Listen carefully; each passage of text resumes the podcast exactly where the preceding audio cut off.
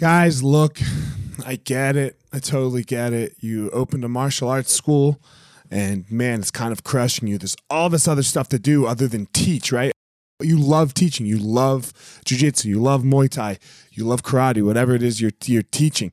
And man, but there's all this other stuff. There's there's the front desk. There's there's taxes. There's curriculum. There's cleaning. There's there's problems, staffing, covering. Whew, man, it's so much. It's so much. Well, let me tell you, uh, we have started what's called Easton Online, and Easton Online is here to solve all of these problems for you.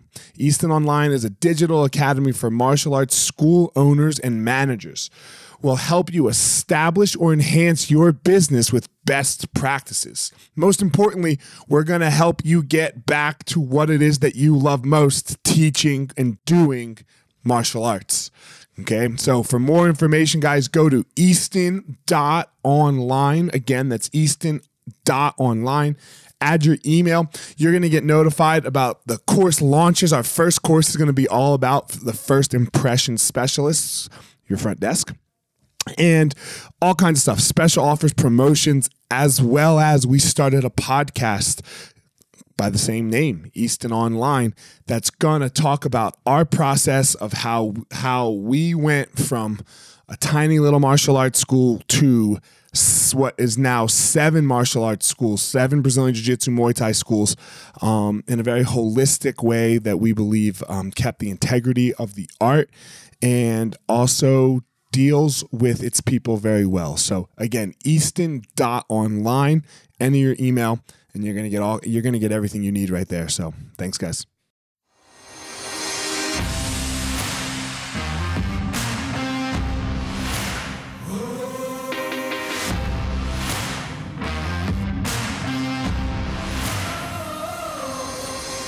What's up, my ninjas? This is former UFC fighter Elliot Marshall, and this is the Gospel of Fire, where we are going to learn how to go into the fire so that we can find our power and live the best life possible.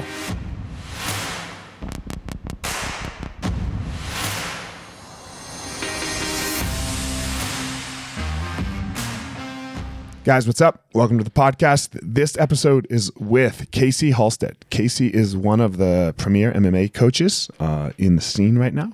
Fighters like Tim Elliott, Joseph Benavidez, and a host of other guys. Um, he also has a great story of overcoming some early struggle in life, finding his power, and then sharing that with the world, as as uh, is the goal of what this podcast is about. So, um, without further ado, here we go. Casey Halstead. What up, Casey? How you doing? Man, living the dream, my brother. Thank you for having me on. Man, thanks for doing it, bro. Look, I mean, you're sacrificing. You just said as we popped on here, your, your kids are going crazy in the house. You got a class going on in the school, so fuck it in the car. Yes, sir. You know, you got to make it happen. I, I appreciate it, man. I'm I'm not Joe Rogan though, so like you know, if Rogan calls, yeah, like you, baby, I got to get a divorce right now. I I know it's our anniversary, but we're going. so well, hopefully, hopefully you can get to that level, man. I mean, he's selling his company or or switching to Spotify for like a hundred million or some crazy number. I think it's double that, bro. I think I think a hundred million. I think it's I think a hundred is just what came out in the public. I'm pretty sure it's. I'm pretty sure with like after everything, it's double. Fucking a, Damn, right? Good on him. Good on him. Hell yeah. yeah. Um, all right, man. So like this jujitsu journey for you um now, right? I mean, like mostly you're a coach and a business owner. Um, where where did this whole thing start for you? Oh man, that that's a you know it's a crazy question. My my life has has taken many turns and and um, you know I started wrestling when I was a child, maybe seven years old at, at the local uh, youth club, and then uh, you know grew up in the '80s, so traditional martial arts too. And then, uh, you know, I got into some trouble as a teenager, so I wasn't able to wrestle in high school. Where I wrestled this? all the way up to high school. Um, various places. My mom lived in LA County and my dad okay. was in Orange County. Okay. So depending on like where I was in trouble the most, I would just kind of bounce between the two counties. But um, I, I, basically spent time all over Southern California, and um, ended up getting into a lot of trouble. Uh, ended up missing all of high school due to some stuff that I got caught up in, and then uh, and then got out, started working, raising a family. Uh, and then shifted gears and wanted to find grappling again. Got back into jujitsu and and realized how much I miss grappling, and it's just been full go ever since then. All right, that's a lot to unpack there. So, um, yeah. if you don't mind, let's do it. So, so your youth, um, when you say you, you got in trouble, was that mostly because of a of a separated household, or or where did that where did that kind of stem from?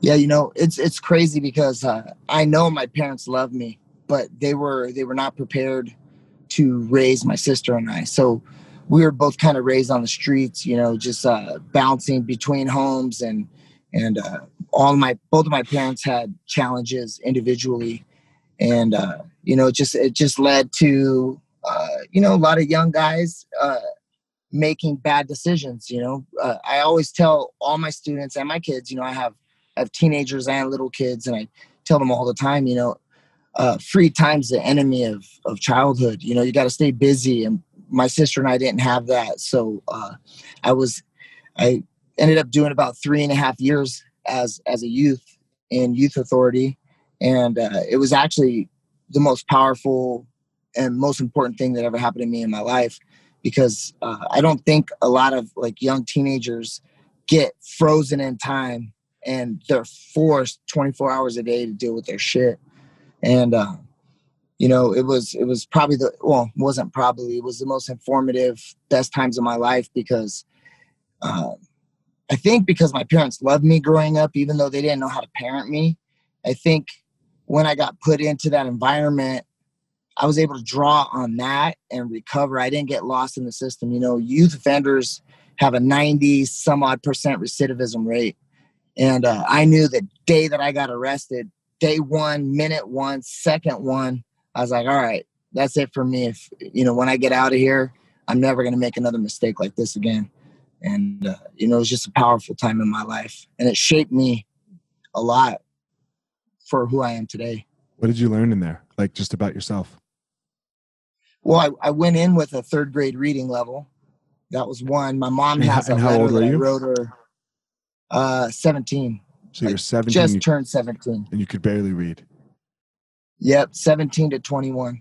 All and right. uh, I just, uh, you know, I just took the opportunity to to learn. And my mom has a letter that I wrote to her. It's ridiculous. It's just, it's just uh, numbers on a page with no punctuation, all the spellings wrong. There was no paragraphs, no nothing. It was just, it does. I can't even read it to this day. But um, yeah, it was just you know i i'm glad that i got that that opportunity to learn and and i just took advantage of every second that i was in there to learn so you come out and you're 21 years old you said right yep and what what what i mean i think a lot of people probably say what you said right like like second one yeah right like when you're like i am not this is it i'm done this life is over for me but then re- real life hits them when they get out right and i think part of yep. that uh that that reincarceration uh, is because they don't know what else to do, right? Like there's like, what what do I do? So what did you do?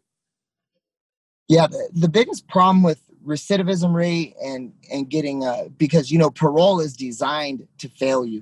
Mm-hmm. Parole is not designed to help you. It's designed to get keep you in the system. And you know, anytime there's a whole industry created to manage a problem, it's in the industry's best interest to uh, perpetuate the problem just because so many jobs are depending on it, you know, and uh, so I especially when that in, especially when that industry becomes for profit, right?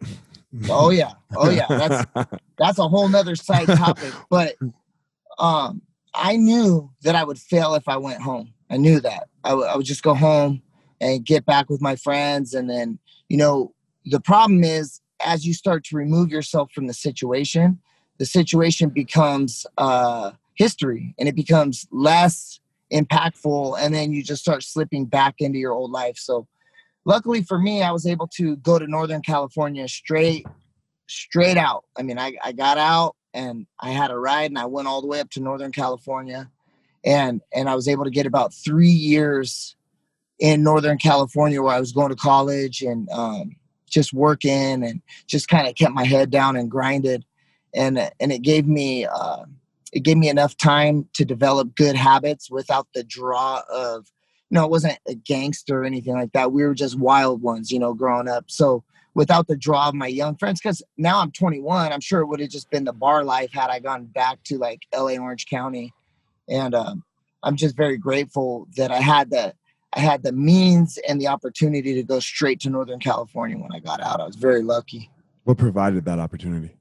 Just you had a friend? My sister, my okay. sister, she uh she was uh with a man a fiance of hers and he had a house up there so she went up there and she allowed me to go up there when i got out and it was it was uh i'm probably i should probably thank her later today for that opportunity. I don't think i've done it you know? Yeah man but, it's great. yeah that that those were great times. It's really interesting what you said right there. You were really lucky because um i'm a big believer that that luck is the first thing before hard work right like i mean and, and we'll get into the rest of your story here of, of of creating schools and fighters and all this success that you've had but like you said you had your sister you know and, and she she was up in northern california and that was just a lucky break for you and then you were able to continue that really hard work that you were already doing so I, I liked that you used that word. It, it's okay to say. I think so many people get upset when they're they won't admit that that piece right there. What do you you know? Oh, luck luck is a uh, luck is probably the most important factor between well okay I, I like to use a quote i believe it was malcolm x and he says okay. it's not a crime to have once been a criminal but it's a tragedy to still be one and so a lot of like christians use this same thing where they they constantly preach and there's only a couple of times in each person's life when they're ready to receive the change like whatever that change is and that's why Christians constantly preach when they see you because they might catch you on a low end and you might just be re- ready to receive their message. And uh, that's where luck comes in, you know. So for me, you know, I was just in a real dark place, going through a real dark time, and I was ready for the change.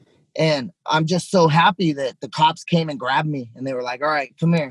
We're settling you down. You're going to do three and a half years and you're going to really, you're going to really like be forced. But it all i was so lucky because it all happened at the right time. If it would have happened a couple months earlier i might not have been so so ready to change my life. A couple months later i might have been a little too hard. You know it, it just it was all everything just happened lucky for me. And i realized you know there's a lot of hard work that goes into what where i am today. You know i I, put in hard work. I get up in the morning, I grind. I'm the first one up, the last one to bed. You know, I make sure that all my people have what they need before me. But um, that was all developed out of just luck for me, you know, that I was able to like pivot and change my life. You know, I talk a lot about um, there's only two ways things are going to go when you hit a, a major life dilemma a death in the family, a divorce, a breakup, incarceration. You're either gonna you're either gonna hit that force head on and you're gonna you're gonna your trajectory is to change when you hit that force and you're either to you're either to fall into a deep spiral or you're to traject up and start to overcome it and and the problem is what what i think a lot of young people lack in life let's just use a divorce for for an example. I watch a lot of my friends. I've got a lot of 20 somethings that are doing very well in business. They get married then they get a divorce and i watch them spiral. And then about six months after the divorce they start to recover. And then that the emotion you know time heals all wounds including love. And as they go through time what they've done is they've destroyed their credit they've gotten fired from their jobs all from the divorce and then they find themselves six months to a year removed from the marriage and they've decimated their lives. And now they need to like rebuild and recover. And my message to all of them is you got to look at the darkest days of your life as an exciting opportunity. And in those dark days is when the decisions that you make are so powerful. You can start building yourself up because no matter what, six months from now, this bad thing that's going on to you is not going to feel so bad anymore. And where are you going to be at the end of that? When when you come out of that and you start seeing the sunshine again, where are you going to be? And it's all about life is all about positioning. And it's it's about making the right moves, keeping your credit clean, you know, choosing the right people to be around and, uh, you know, I feel like I've been able to impact a lot of my students. Like, okay, I know you're feeling like shit right now, but but let's keep our job intact. Let's keep training. Let's keep our credit good. Let's file for legal separation so you guys don't destroy each other's credit you know and and i can really mentor them through the process. And and so luckily for me i was able when i hit the darkest time i was able to draw on some some from somewhere is what said okay get an education. We're never going to make these mistakes again. We're going to take only positive steps forward. And uh you know, that's my mission with all these kids now. I just try to tell them like, hey, you're going to run up against something, and when you do, you got to make positive decisions that are gonna that are gonna set you up for when you're feeling better. So when you say your mission, right? Like, is that like? Do you feel like that's your purpose in life, like to help people that have that are in that dark time? Like, what, what, like, uh, and I know, look, look, you and I do the same thing, right? We teach martial arts and we coach fucking fighters, but uh, that's the vehicle, right? Like martial arts is the vehicle that we use to yep. to aid, right? What yes, what is, what is that thing that you do for people? Well, so I I tell everybody the thing that keeps me up at night is this is kind of this is gonna sound sound really campy, but it's gonna make sense in the end. So view every one of my students like a glass of water, right? And the level of their water is at different levels in the glass. I lose sleep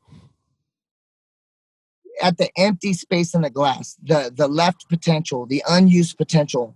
And my entire goal in life is to raise that level to the very very top of the glass just before it overflows.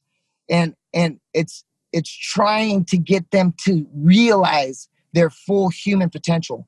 That's that's the thing. That that's the sweet spot because in, in my mind, I see athleticism up top at 10, experience is down at the bottom at one, and you're running headlong at your athleticism. So as the experience is going up towards 10, your athleticism is going down towards one. So time and experience very rarely line up.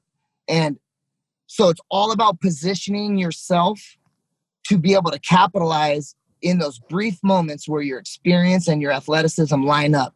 Right in that sweet spot that's when you get a fight for a title.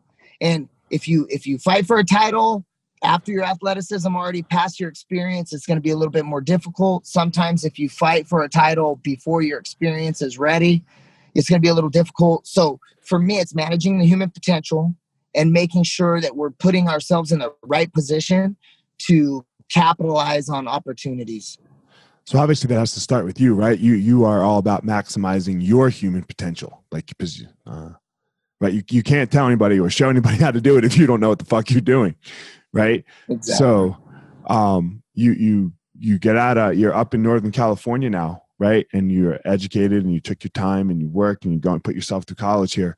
What was it now that that helped you maximize that potential? Like what what what did your what was your potential and and how did you just mm, how, did, how did you get there? Like what, what was it? Well, so, so that's, that's the funny thing is I'm, I'm a terrible underachiever. I could have been so, I could have been so much more. I know I could have been. And so like my, where, where, so the, the shadow that I cast on my fighters and my students is one from a 46 year old man that's sitting on the couch that's saying, I wish I could have, would have, should have. And and uh don't become me. Like don't do that. Like i could have been good. I was never the best athlete and all of my coaches growing up. They always told me um you're not starting because you're good. Let's just remember that. You're a hustler and you're a grinder and and it's because of the effort that you put in but it's not because you're talented. And so i've kind of taken that approach through life you know and and through coaching now you know uh in fighting, I never liked it. I I fought a few times, but all I wanted to do was just be done with it. It wasn't for me. And uh, I had a I had a really strong team that I was a part of back in the day. And um, so like I would I would go and they'd be I'd be walking out to fight, and all I wanted to do was be over. That's it. I was like, man, I wish this shit was over. I want to be I want to be done with this. And then I would go fight. And then I cornered one of my friends. Oddly enough, I cornered him against Tony Ferguson who I ended up coaching later. Okay. And and I, I remember when we lost the fight, it affected me in such a profound way that I couldn't feel that through my own competitive endeavors. And it was at that moment that I realized that I needed to get into coaching because I I'm the kind of guy at a bar you can run up on me and start talking shit and it's not going to bother me at all. But if you start picking on somebody, I feel compelled to get involved. And so that's when I knew like damn man, this is like moving the emotional needle for me coaching way more than it is for me when I'm fighting because when I'm fighting, I don't care. I just go and do it. It doesn't matter. Winning and losing didn't really matter to me at that point. It was just the effort. I just wanted to put a good effort. But as a coach, it really it gets inside of me and it and it makes me want to strive for greatness on a level that I couldn't I couldn't get that through my own competition. I know it's counterintuitive and it doesn't make any sense, but I think that just the the need to want to help people is is what gets me up in the morning and and i found that out very early so and i agree with you um uh, we have a lot of similarities there uh i i don't know if i underachieved you know because I, I find that i'm i'm not athletic you know uh mine was all hard work like i i i've not an athletic bone in my body really um, but I feel like I underachieved. You know, I feel like my mind wouldn't let me. I, I didn't know how to relax enough. You know, and and be in a moment. You know, and just let uh, my full potential come out. So that's why I I feel like I worked hard enough to become very good. And then nobody ever, I mean, I was very good for one round ever. You know, it was my last, the last round I ever fought of my whole life. I was amazing. And then, and mm-hmm. then that's it, you know? And then it was like, but that, that was Elliot, the, the martial artist, you know? Um, but I couldn't make that happen. Right. And that's what the best can do. Right. When you talk about like underachieving or, or achieving your potential, that's what the best do. They know how to, calm it down. So that always happens right? And that that's an amazing thing. So i feel you on that. And i feel you on the coaching thing too man. Um, i can't work with a lot of guys you know? I have to really almost like fall in love with my fighters. Like really really i, I can't do it any other way. It's it's funny that you you use the word love. Uh i i have like i mean my my history is kind of crazy. I i had 10th Planet Costa Mesa in Orange County, and I had some good fighters down there. And then uh, Jason Manley left Reign with Mark Munoz, and I ended up going down to Reign and then uh, working with uh, Mark Munoz and some of the guys down there. And then Reign shut down, and then I went to Team Oyama, and then I had Chito and Carla and all those guys down there. And then and then I started having babies in my 40s again, and uh, had a had like a like a panic moment and in the middle of the night i decided to move to nevada to to las vegas and uh, left orange county because of the hustle and everything. I wanted to raise my kids in like a smaller town. And then i moved here and i was like i i ended up cutting away from team oyama and i'm like man i'm not going to do this anymore. I'm not going to coach anybody anymore. I'm just going to do jiu-jitsu. And and then uh, i started like i started getting fighters out here and I started falling in love with them. And I mean, you know the guys like Joe Benavidez. I mean, he's an easy guy to fall in love with and and it, but I wasn't intending on being an MMA coach anymore. I was just going to be a dad. And then I and then I started getting all these rad people out here in Vegas and here I am. Yeah. You know, we're back. I mean, fuck. It's just man. it's just wild the Ben Olivias are amazing. Like I, I, lo- I love them. you know, I fucking love them. I mean, I only coached Joe for like two fights, and man, that dude and, and Megan, like, uh, oh man, they're, they're such good people, right? Like they're just like that. That's like for your kids. That's what you're like. That's what you want, right? You want like, okay, I want that. I want them to love each other like they love each other and be happy like they're happy. Like like that's like uh that's the north star for me like of what i want from it is you joe and i relate on so many levels because um he loves his wife. He really loves her. Oh yeah. And it's not a game. And uh-uh. and i'm the same way you know? One of the things that i learned in in jail was uh people try to define themselves in too many ways and then they get lost in the sauce and that's how you end up getting in trouble. So i have pillars that i that no matter how rough the seas get, no matter how many decisions I have to make in a day, I number one, I'm a husband to my wife Charmaine. She's the she's the best woman I've ever met in my life. And uh, number one, I'm her husband because without her in my life, nothing else works, right? And then number two, I'm a father to my kids. And uh, I actually view it like I'm a steward. It's my job to just make sure that they they stay as pure as possible and they meet their human potential, right? So husband, father, and coach. And that's it. And and it makes my life very, very easily. I just how is this gonna if I make this decision, how is this gonna affect my wife? How is this gonna affect my kids? How is this gonna affect my team? And it's very easy for me to stay on the narrow like that. Yeah. And uh, you know, Joe and I we get into all these talks all the time. And uh, you know, it's you gotta take care of your shit. That's part that's part of being a professional and part of being successful. When you park your car and you get up and you're walking up the path to your front door, you walking past a bunch of weeds and trash. Because if you are, it's going to be very hard to be successful. You should bend over, pick that stuff up, clean it up, and just take care of your stuff because it all starts there. Yeah, I mean, I, I mean, and then you just take that to your life, right? if you're walking by exactly. weeds and tree, right? Like if you want to, if you want, like I'm using your word here, if you want to maximize your potential, you got to get the weeds and the trash out of the fucking way. You know, it can't. uh it can't just fucking sit there, you know? Think think about this. Think about this. We we do 9 a.m. pro practices here, right? In Vegas. And so in Vegas, yeah, I do Fuck it early, yeah. a little on the, I, in Orange County. I did it at eight.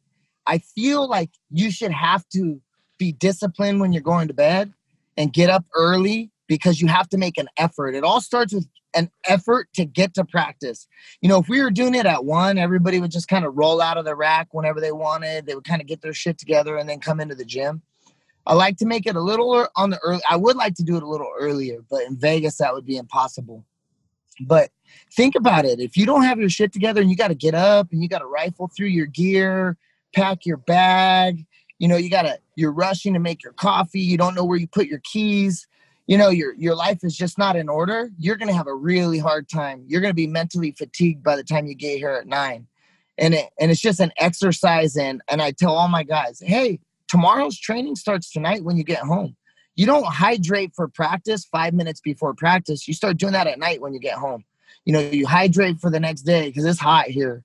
And uh, mm-hmm. uh, you know get get all your stuff together. That way you don't have to spend any brain power on the movements that you're making to get to where you're trying to go. Yeah, decision fatigue and, they call it, right? Like if you have, you know, oh like, yeah, like it's it's fucking true, you know. Yeah. Uh, like right now, like you have a, you know, uh, like with all the schools, right? Like man, by the by teaching a class, like just a normal class that you like, you know, in January BC, uh, like it, that didn't yeah. make me tired. I'm exhausted now right? Like i'm exhausted yeah. because there's there's so many things going on throughout the day that you're like what the flying fuck man? Why why am i so tired? But it's because all these things are hitting our radars right now just to just to run our schools right? Like so fucking a I, yeah decision fatigue's for real. Yeah. It's funny you said decision fatigue. I have a daughter that just got a wrestling scholarship to baker university in kansas. And Saw that. Yeah, she, yeah, she literally just left two weeks ago. And she is such a cool kid, man. Like, I mean, she's my masterpiece. She's the best thing that I've ever done in my life. If I could be remembered as one thing, I want to be remembered as Abigail's dad, you know? And, but the problem when you have such an awesome daughter is her confidence level is much higher than her experience level. And I was, I was like, listen, Abigail, it might be Saturday morning 8 a.m. football game, and everybody starts drinking, and you could handle those decisions at 8 a.m. Now all of a sudden the football game's over. It's 5 p.m. Everybody's a little hungover. You know, this is what happens in high school. Everybody wants to go back out. Now it's 11 p.m.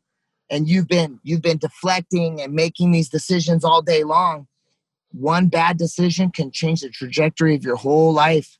And you're you're a little bit like, Dad, I'm good you're a little overconfident and you need to understand that everybody out there is a wolf and they're all trying to bite you everybody and you know there's there's going to be times where you just got to shut it down and recoup and refresh. And I don't want to get too graphic in the descriptions that I give her, but um, man, it's it's so scary having her out there. She literally just left, and I feel like I'm riding a bike with no handlebars.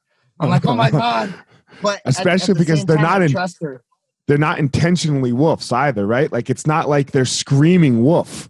Like they just want to try yeah. to maybe have a good time, you know? Like, yep. And she's young and wants to have a good time. So it's it's it's not uh it's not like they're like trying to bring anyone down, but like you make a bad decision and then that brought like, you know, that brings you down. Yeah, man, fuck. I am I'm, I'm just, petrified, just, bro. I'm petrified when dude, my kids get older. Oh, it's so crazy because it's it's not even like you said you you you hit the nail on the head these boys are good boys. These yeah. girls out there are good girls. You know, they got parents that love them. But the problem is, you're 18. You don't even know how to deal with the hormones that are pumping through your body. you know? Yeah, man. My my daughter's thinking about Friday, and I'm thinking about when she's 40.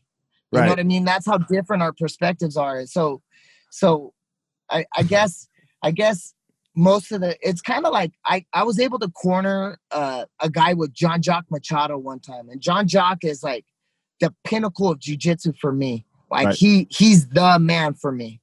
Okay. And uh, the guy's the guy's name is Eric Medina. He's he's a savage. It was EBI. Jean Jacques and I were cornering together, and I'm like I'm like Jean Jacques, tell him to do this, and he's like he's like man, I do my coaching in the room, like in the dojo. Like I don't I don't need to coach him. He knows. And uh, I just remember thinking like, God damn, that's some ninja shit. That's powerful. and and so like I try to do that with my kids and my fighters too. I try to really coach up constantly, like outside of the fight. I'm always coaching them up. Like the best time to tell your kids it's wrong to steal a bike is not when they steal a bike. It's today before they steal the bike, you know? Yeah, for sure. Yeah. So trust. It all comes down to trust and and luck. You know, she's gonna have res- to get a little lucky through college and yeah, and resilience, man. You have to hope she's resilient, right? Because she's gonna like look. We all do it. We all make those bad decisions, right? We all, we all, you know, and and hopefully it's it's what you just said that you showed her the way already, because you're not there to coach her up in the moment anymore right? She's gone. She's oh, she's God. she's she's gone. So you did, you know, if you did it, it, it sounds like you did, you know. So if you did a good job, then she's gonna make she's gonna be resilient and be able to recover from any, let's say, slight misstep left or right that she might make on a Friday night, you know. So and that's part of, but that's part of the game, right? That's part of that experience you're talking about. You know, because experience isn't experience in all good things, right? Like you got to experience, yeah. like somebody on yeah. your back trying to fucking choke you, right? Like you're not good until you can handle that, right? And you know, so I, I agree. I agree. And you know, I had a uh, and this is me talking a, shit as like somebody whose kids are still in the fucking house. oh man, oh it, it never ends. It's all the I know. same. You you know what that love feels like. Mm-hmm. I, I had a student of mine. I had a student of mine one time tell me something that impacted me forever. I was getting super frustrated with another student who was making bad decisions. And I found myself like he was trying to be with the wrong woman, right? And I knew it. And it turned out to be right. You know, like later, I turned out to be right. But one of my students pulled me aside and was like, Coach, that's not your place, dude. Like, you have to let him experience that failure because it's going to shape who he becomes later. And that's one of the things about a has been like me is uh I run around and try to keep people from getting into car accidents. You know what I mean? Like that's I'm like, whoa, whoa, what are you doing? What are you doing? And and sometimes, like, especially with your kids, you need to realize that you put in the hard work, you left no stone unturned, and you gotta, it's so powerful what you said, you gotta let them fail. Yeah. Because that's the only way that they're ever gonna fully develop into a real functioning human. You know, at the end of the day, you know, people are gonna remember you as a whole not your wins and losses, but it's like how you move and, and how you act and how you treat people. And the losses are more important than the wins, I think. Bro, it's so funny that you just said that, you know, because I mean, I'm just going to look at like my fight career for a second. Bro, I was boring. If you watch, like my UFC fights weren't like exciting fights, not even close. When people see me now and they recognize me, they're like, "Oh, you were such an exciting fighter." And I was like, "Oh, you didn't watch, man. Like, what are you fucking talking about? like, like you're fucking like, like you you didn't watch me fight. Don't I mean, like you just know that I was that, you know. So don't tell me I was a fucking exciting fighter. I fucking wasn't, you know. So it's kind of funny that you that you say that, right? Like you, you get judged on like the whole gamut of, of things, not just like a moment in time. So that yeah, fuck yeah, um, yeah. We you know we get caught up. We get caught up in that too. You know, we get caught up in thinking like like damn what's everybody going to remember like mm-hmm. the trolls online and and at the end of the day if you reverse engineer your life in such a way none of that shit's going to matter. At yeah. the end of your life you know it's going to be your kids and your family and your closest friends. That's it. And and fuck listening to joe talk after he lost to figueiredo in in abu dhabi holy shit dude that was one of the most inspiring things i've ever heard you know just from somebody who was really sad at the time, you know, like he knew that was it as far like he wasn't going to be a champion, right? Like that that's done. You know, that was done. And just how how touching that was. And he was like, oh, "Look, man. I love my wife. I love my friends and my coaches. I'm super grateful for my whole fucking life. And I don't even care. I'm just going to fight again until I win." Because that's what I was going to do when I had the title. I was just going to, if I won the title, I was just going to keep fighting until I lost the title. And then once I lost the title, I was going to win one more time and be done. So now we're just at yep. the win. He's like, we're at the win one more time and be done. I I fucking hate this sport so much. It's it's, it's one of it's one of the it's one of the the only things in life where you could do everything the right way and you could actually deserve to win and you just get gutted and um but you know because that's always a possibility that's why we love it so much too you know the highs are so high and the lows are so low.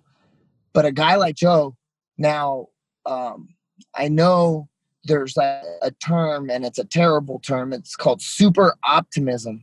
But with me and joseph i know he's getting on on uh, the wrong side of the experience you know he's getting a little bit older. But Look at his losses. Look at them. Just champions. I, I, mean, twice to Dominick Cruz, twice to DJ, twice to Figueiredo, and then he lost a stupid split decision to Sergio Pettis that I think he won. And if you look at the list of those names, I that's what I tried to tell him after. I'm like, Joseph, you're still right there. You know, uh, Figueiredo had COVID. There was a lot of shit going on during fight week in Abu Dhabi with that, right? What do you and mean? We almost had. Hold on, back up. He had COVID. Yeah, he. They had like uh, multiple uh, check-in locations for those Abu Dhabi fights, okay. and wherever Figueiredo was coming from, he tested positive for COVID, and so they had brought Pantoja and Askar Askarov in in case something happened with Figueiredo because I there was no way I thought that that dude was going to make weight, and uh, you know we fought him after he missed weight last time, uh-huh, uh-huh. and and you know, we were pretty much all under the same. Like, if that guy misses weight, he doesn't deserve to fight us again. Like, he's right. got to make weight. And so right. they brought Pantoja in as a replacement. And then, uh, and then so, uh, we find out that Figueiredo tested positive for COVID wherever his check-in was. It wasn't in Vegas. I, I don't know where the Brazilians were going, Florida or something. Okay. And then he chartered his own flight and then came in and then ended up getting a negative test in uh, in Abu Dhabi. So like the difference between, I mean, we lost that fight fair and square, but the matchup with Pantoja for me and Joe, that's a way better matchup for Joe. You know, like if if Figueiredo's positive test, if he doesn't charter his own flight and he just doesn't come to Abu Dhabi, Joe fights Pantoja. Joe beats Pantoja to me. Joe beats Pantoja, and then now Joe's the champ, and the and the whole story's different, you know. And so, it's this game is such a it's such a crazy. I mean, not only that, but taking us to Abu Dhabi to fight that was the most wild experience I've ever been. I didn't even know where I was for four days. Yeah. It. I mean, I don't know. I we had Cody and Joe and Tim Elliott And I don't know how those guys did it. I would have never been able to fight in those situations. It was crazy. You were They- fighting at like 2 a.m., right? Like crazy times. Oh, it was it was just bananas. And not only that, but the first like Cody fought, we took the fight on short notice. So when when we arrived, we were quarantined for two days straight. And then we got out of quarantine and had to cut weight and fight. It was nuts. And I I mean just a it was crazy. We're fighting two in the morning, getting up. Like it it was bananas, man. Those guys are true warriors and savages and and I don't think the normal fan really understands what all the guys went through in in Abu Dhabi. That that was wild. I don't think that they don't understand what we go through, first of all. Right? Like just just what a fight is like, a normal fight in Vegas. Like that like that that is un understandable unless you fucking do it. Right? Like a, Mhm. a UFC fight. You know, like there's uh there's fights, you know, local fights. But when you get to the big time, man, it's a whole different level. It's a whole different fucking level of, of what that experience is like. And you can't explain it to to anybody until they till they fucking feel it, man. You know? um think about think about the staging process you know we're back we're grappling and uh they come back and they and then they're like three minutes and then and then you go stage and then you're standing out there you're icing you know you're like 10 minutes and then you're in the curtain and then you hear your music come on they bring you up they they run the little package they walk it's it's nuts it it is wild i It's- wish everybody can experience that once It's wild. And then all of a sudden Arnold Schwarzenegger walks past you and you're like, what the fuck? What? Right? Like that's the fucking Terminator dog, right? Like, Yeah. like like that shit don't happen in a fucking little little barn in in like rinky dink Reno, Nevada, right? Like where you fight local fights. Like so like the whole experience of, of a big time fight is is crazy.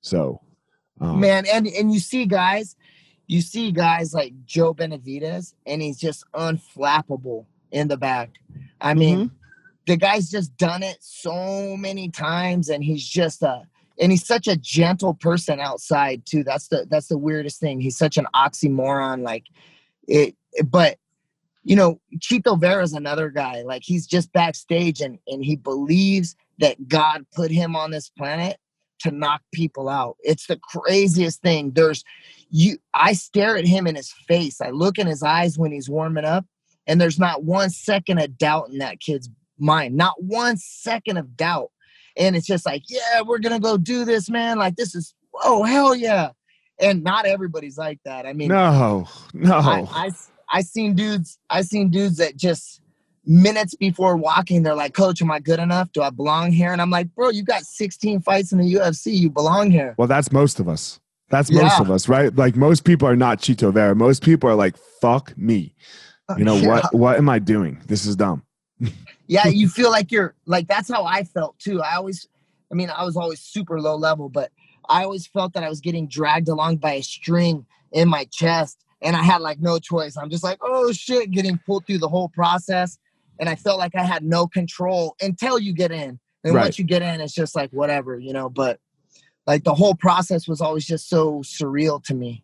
Dude, I can remember my last fight was Brandon Vera, and I was fucking Oh, yeah. scared shitless in my hotel room because like the fight before I took on like real short notice and I, I wasn't prepared and I quit in that fight. Like I know I quit. Like I mean I got knocked out, I got poked in the eye, you know. So so like the the the crowd, like the the casual observer couldn't see it, you know, but I knew it, right? Like uh so I'm in my hotel room and I'm fucking crying, bro. Boop, bro, and so fucking scared. Like to the point where my wife was like, look, just go out there. Like you're like get hit with the first punch, fall down, right? Like it won't be that hard. It'll be like a fucking jab or something.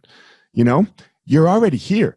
If you walk in the cage, you get thirty thousand dollars, right? Like just just go get the thirty grand. Like it's Yeah. just a couple of hours, and Yeah. and then we'll just walk away. And I was like, yeah, all right, that's the plan. like you know, like that's the fucking plan.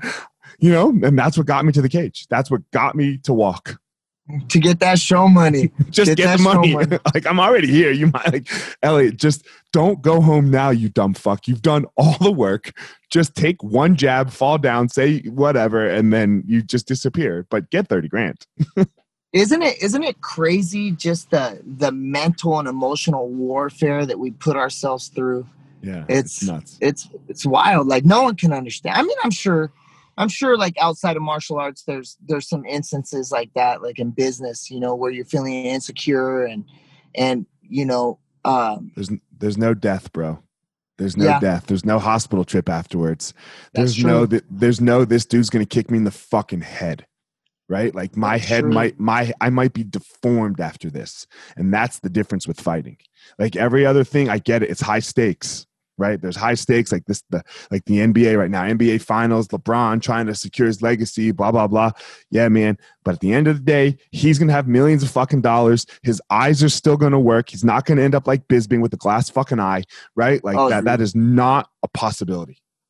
oh man yeah i mean you could you could really get down. And you know we all are too. You Yeah. know you look at us now like i need a knee replacement. My hips are gone. My neck's jacked up. But i you know my mom many years ago she was like when are you gonna stop doing this shit casey? Like like and i'm like it's either i'm gonna i'm gonna have bad knees and and kind of banged up back or i'm gonna have high blood pressure hypertension and a bunch of health problems that you get from not being active. Yeah. no matter what there there's an expense to living life and i'm gonna have a good heart and maybe my body's gonna break down but i'm gonna be happy i'm gonna be training until i'm 70 For sure. Me too. You I- know? I hope I hope I I hope I train and then die 90 whatever you know like That'd whatever it is rad. you know that'd be awesome that'd So- be the way to go man all right man there Um, is this other side to you right like as we as we close this up here that you know you're a businessman right? Like you have you have multiple schools multiple locations you know affecting a lot of people's lives. Uh how did you go down that that path of uh, uh of opening schools? More than one. Well okay so i at the old team that i was at my my instructor and i we really didn't see eye to eye and it was mostly political. Um you know he he would say shit and clearly be wrong. And i never liked how everybody would just acquiesce to him like You know- political as in like the politics of the world or the politics of jiu-jitsu? Politics everywhere, Everywhere, jiu-jitsu okay. the world uh just stances on things. And it turns out uh he actually shaped me a lot more than i care to admit sometimes you know because Right. you know the ones that were the hardest on us Mhm. we didn't like it going through it but they they had like a lasting effect. But i just remember and and this is that just that dumb you know uh i don't know what motivated me to do it but anyway i, I was just like man there's some things i don't like about what's going on. And then uh we had a falling out so i ended up changing schools. And then um and then the school that i went to uh, i ended up getting kind of thrust prematurely into a teaching role and kind of like an administrative role. And so I've I've been fortunate enough to work for two uh, major Fortune 500 companies in my life. And the last company that I and I've always been in management of some sort.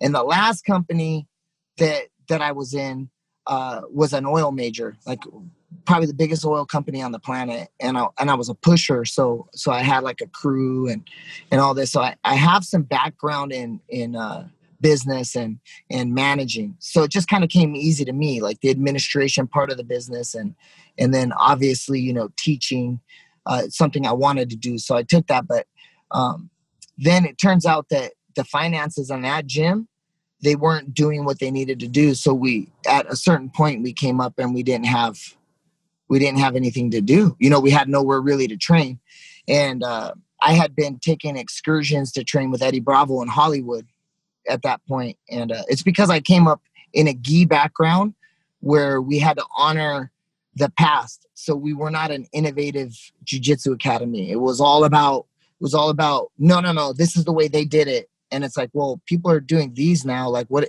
And so when I got out from underneath that umbrella. I realized that there was a whole new game out there, and Eddie Bravo was innovating. And so, um, when the gym that I moved to started to kind of get wonky, uh, Eddie and I just decided that I'd open up 10th Planet Costa Mesa, and then so kind of, kind of my just the way that I am, I, I start training and then I was I was training a kid named Andy Ballmore for years. Actually, the first place he ever moved out of his house was into my house with my wife and I and my family. And then um, he's just a great kid, my best friend. Uh, the first black belt I ever gave out was to him.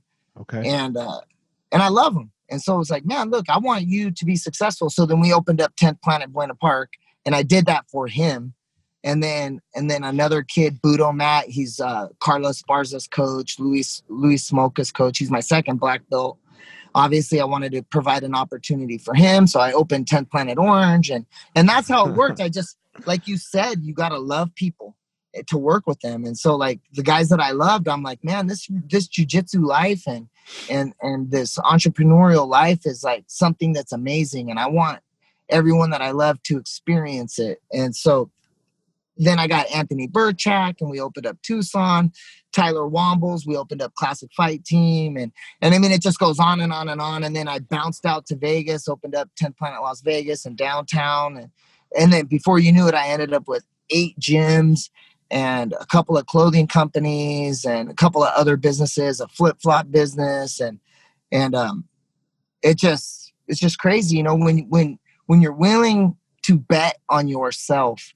Here here's kind of the key is I get into all these mental masturbation games with people that want to be entrepreneurs and they're like, "Yo, coach, I got this idea. I want to do this. It's going to be so lit. Let's go." And I'm like, how much? And they're like, okay, it'll be a $30,000 investment each. And I'm like, cool, here's a check, let's go. And then when it comes time for them to actually pay the money, they won't do it. And it's like, wait a minute. So this is your idea. You're the guy that's going to be running it, and you're too afraid to bet on yourself. How are you ever going to make it? Like, if you're not going to write a check to something that you control 100%, you and I cannot do business because you will definitely fail me. You're going to fail yourself. And so, any chance that I ever have to put down a chunk of money on something that I control, I do it. Yeah. And and it's and just having that, having that, and it comes from my wife. She's an attorney, and she's she's such a good support network at home. I go out find the business, I bring it home to her, there we go. That was my daughter. Sorry, I bring it home to her. I bring it home to my wife, and then she handles the logistics. Yeah, you man. know, and Yeah. and that's how we've been able to do it. Bet on yourself. I feel you, right? I feel you. I will always bet on me. There, that you know, I because whatever you, you'll shift. You'll shift if you have to, right? Like I, I know I'll shift, and you know you'll shift. There's no caving. You know, there's like Never. whatever. Not even even like like this whole coronavirus thing is driving me fucking crazy.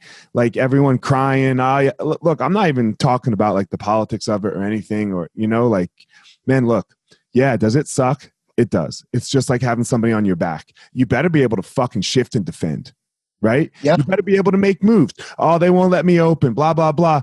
Dude, there's a way to open. There's a way to open for all of us almost, right? Like get online, do something, right? Like even during quarantine, we were open, right? We were oh, open. Oh yeah, You know, we were open. Was were my students all at seven schools coming into the gym? No, that wasn't allowed. But we figured something the fuck out, right? you you know, people ask me all the time, like, "How are you doing?" And I'm like, "Man, I'm amazing. My life is actually perfect." And here's the thing: is I'm such a hustler, and we travel so much with coaching and fighting. When the UFC was shut down, guess what? I pivoted. I just went. I just focused on my family and I focused on my business. And Mhm. no matter what, I will not fail. In June, in I have an 1800 square foot gym, tiny, smaller than your mat space. right, right. I signed up 50 full memberships in June. 50 during the middle of the pandemic. Think yeah, about that. yeah. And and I mean 50 is not big numbers for a giant gym, but for an 1800 square 800 foot square gym, foot. Yeah, that's a lot. you know 50 is a huge and it's like it's like i don't you know the the people that are trying to close their gyms this is going to be the opportunity for them to get out. They're going to be able to get some SBA money. Right. They're going to be able to get some PPP money. They're going to be able to close their gym. They're going to move to the town that they wanted to live in all along. They're going to put a down payment on payment on a house, and they're going to go try to find a city job. Right. You know, but for me, there's no way. This is not the thing that's going to bring me down. No. I've been I've been through too much, and this ain't it. No way. I agree. Fuck yeah. I like. We're gonna end right there. The people that wanted to close their gyms, this is your out. This here Yeah. it is. So, man, fuck you, man. I appreciate you coming on and doing it. It's my pleasure. Anything you ever need from me, just reach out. I got you. I appreciate it, man. Same goes to you. Tell everyone where they can reach you on Instagram, social media, all that stuff. The easiest place to get me, it's the one that I'm most active on, is Instagram, and it's at Coach KC10. I respond to every single DM there, and and I will do a couple shameless plugs. If you guys want some custom made flip flops that are made here in Vegas, leather that last a lifetime, go to uh, at shop toehold or shoptoehold.com and uh, those are all custom made to order. We can put your gym logos on it. Everything it's done in my buddy's garage here in Vegas. Actually, you should hit me up later. I'll get up. you a pair. I should hit you up. Fuck yeah. yeah. I'll get you a pair. They're super sick. Uh, all right. and then and then shopnogi.com. All right, man. I appreciate it. Guys, as always, don't try to be Casey Halstead. Don't try to be Elliot Marshall. You go out there and you find your own power. Be you. You can be amazing in the world. It's inside everyone. Casey's is maximizing human potential. As we talked about, that's his thing. Might not be yours. It's not mine. It's something different. You go be you. Find your power, everyone. All right, everyone. Thanks for listening to this episode of The Gospel of Fire. If you enjoyed the episode, I'd love a review on iTunes or wherever you are listening to this podcast. Don't forget to follow me on social media at Fire Marshall 205. If you are a BJJ enthusiast, check out my YouTube channel. I put all kinds of instructional DVD uh, videos out on there, so go check it out. My book is still out on Amazon by the same name as the podcast, The Gospel of Fire. So if you are interested, go check out that. And most importantly, guys, go out there every day, find your power. Thanks a lot.